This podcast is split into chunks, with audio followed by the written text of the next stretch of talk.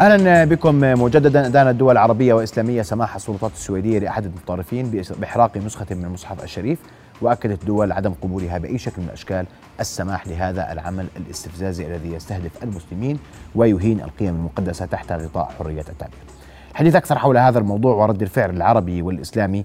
أرحب بضيفي الدكتور عامر الحافي أستاذ الأديان في جامعة البيت. دكتور عامر مساء الخير واهلا بك في نبض البلد حياكم الله. وبدي أسمع تعقيبك قبل قليل. كان هناك وقفة احتجاجية نعم. أمام السفارة السويدية والحديث إنه دائما لدينا رد فعل. لماذا يحدث ما يحدث؟ اللي صار وين كنا عنه؟ نعم. كيف سمحنا انه يصير رؤيا بودكاست. يعني بداية الثقافة الغربية ما تزال تظهر بأنها تملك شيء من الهمجية والجهل تجاه الشعوب الأخرى.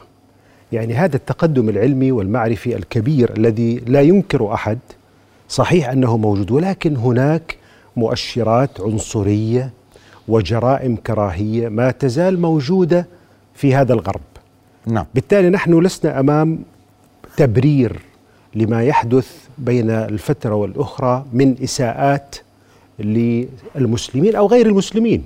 يعني حتى ما حدث حتى حتى اضطهاد اليهود لم يكن في الشرق. نحن لسنا الذين اضطهدنا اليهود في المشرق العربي ولا في العراق ولا في مصر. الذين اضطهدوا اليهود كانوا هم الغربيون. والذين استغلوا اضطهاد اليهود ومعاداة السامية أيضا كانوا هم أيضا الغربيون والمستفيد الأكبر كان الصهيونية.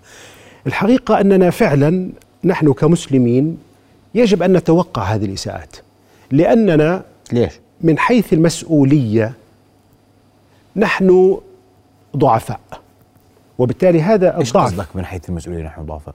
يعني من حيث دعني أقول استخدام ال ال النفوذ ال- العربي والإسلامي نستطيع أن نكون في السياسات الدولية أكثر قوة بكثير. يعني لو أن هناك دو دولة حرقت رمز سياسي رمز لعلم حرقت الدستور الأمريكي حرقت العلم الأمريكي ألا يعتبر هذا إساءة للدولة؟ إذا من ناحية معينة هي إساءة. نحن لا ننكر أنها إساءة ولكن أيضا المسؤولية لا تتوقف عند الإدانة ولا تتوقف عند الشجب.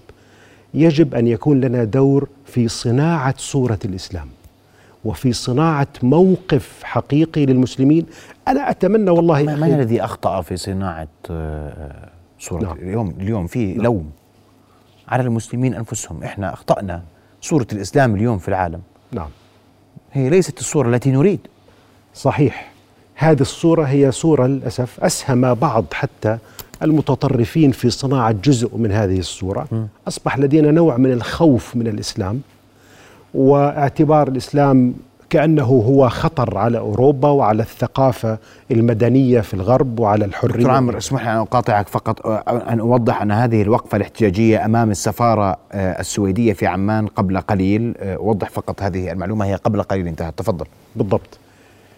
بالتالي يعني هناك موقف أنا مع أن يكون هناك موقف قوي وواضح ولكن بنفس الوقت نعيد بين الفترة والاخرى تعود المشكلة للظهور من جديد وكأن شيئا لم يكن. صورة الإسلام أسيء لصورة الإسلام مم.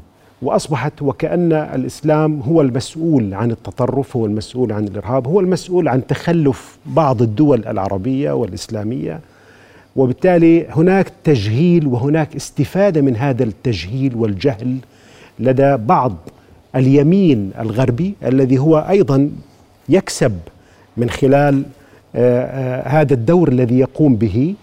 هناك من لا يحب المهاجرين الذين يزداد عددهم يوما بعد يوم في الغرب ربما لأسباب اقتصادية لأسباب ثقافية وغير ذلك. اذا هناك مستفيد من هذه الإساءة من هذه الجريمة. أنا بعتبرها جريمة كراهية لأنها تجعل العنصرية تزداد أكثر فأكثر وتجعل الكراهية للآخر وكأنها شيء مشروع. طيب اليوم ماذا يملك المسلمون لمواجهة ذلك؟ وأنا بدي أحكي لك إياها نعم. بكل أمانة. هذه ليست أول مرة. نعم. وإحنا في كل مرة يحدث مثل هذا الأمر نغضب. صحيح. نجب. نستنكر. صحيح. أنا بدي أقول لك مثال واحد. الرئيس ال- الأمريكي اللي هو ترامب. التقى مع شخصية دون أن يعرف شخصية تنكر المحرقة. ولم يكن يعرف في لقاء هذا الكلام قبل حوالي شهرين.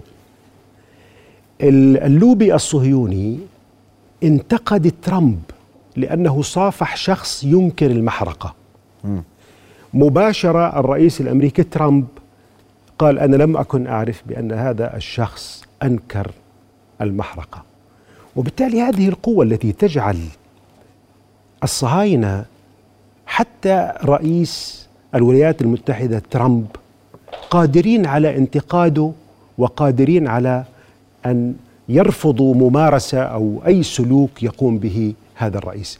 اذا لا شك أن هناك نفوذ قوي جدا وهناك مصلحة صهيونية لأنها تريد أن تظهر بأن الإسلام هو الخصم ال- المسلمين هم عدوانيين بطبيعتهم وأنهم يستحقون ما يفعل بهم.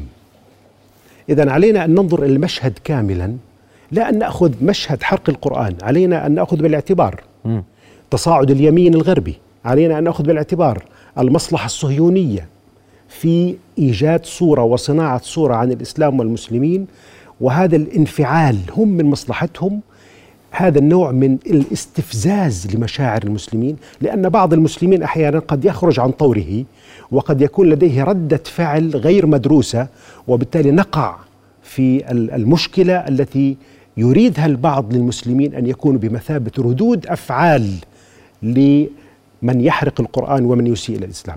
الرد يجب أن يكون حضاريا الرد يجب أن يكون على أعلى مستوى ولكن أن نتجنب ردود الأفعال العاطفية التي قد يستفيد منها خصوم الإسلام وخصوم العرب جميعا. طب اليوم وأنت تقلق من ردود فعل لكن إحنا ما شاهدناه على أقل تقدير شجب استنكار ووقفات احتجاجيه كما تابعت قبل لحظة. نعم. هل نكتفي بذلك؟ اليوم تغيير صورة الإسلام صحيح. في الغرب. دور من؟ مسؤولية من؟ الأردن حاول جاهدا خصوصا مع وجود داعش. أن يوضح أن هذا لا يمت للإسلام أن هذا لا علاقة له بالإسلام. ولكن اليوم انتهت داعش فانتهت هذه الجهود إن صح التعبير. ولا يوجد جهد إسلامي موحد في هذا الإطار. صحيح.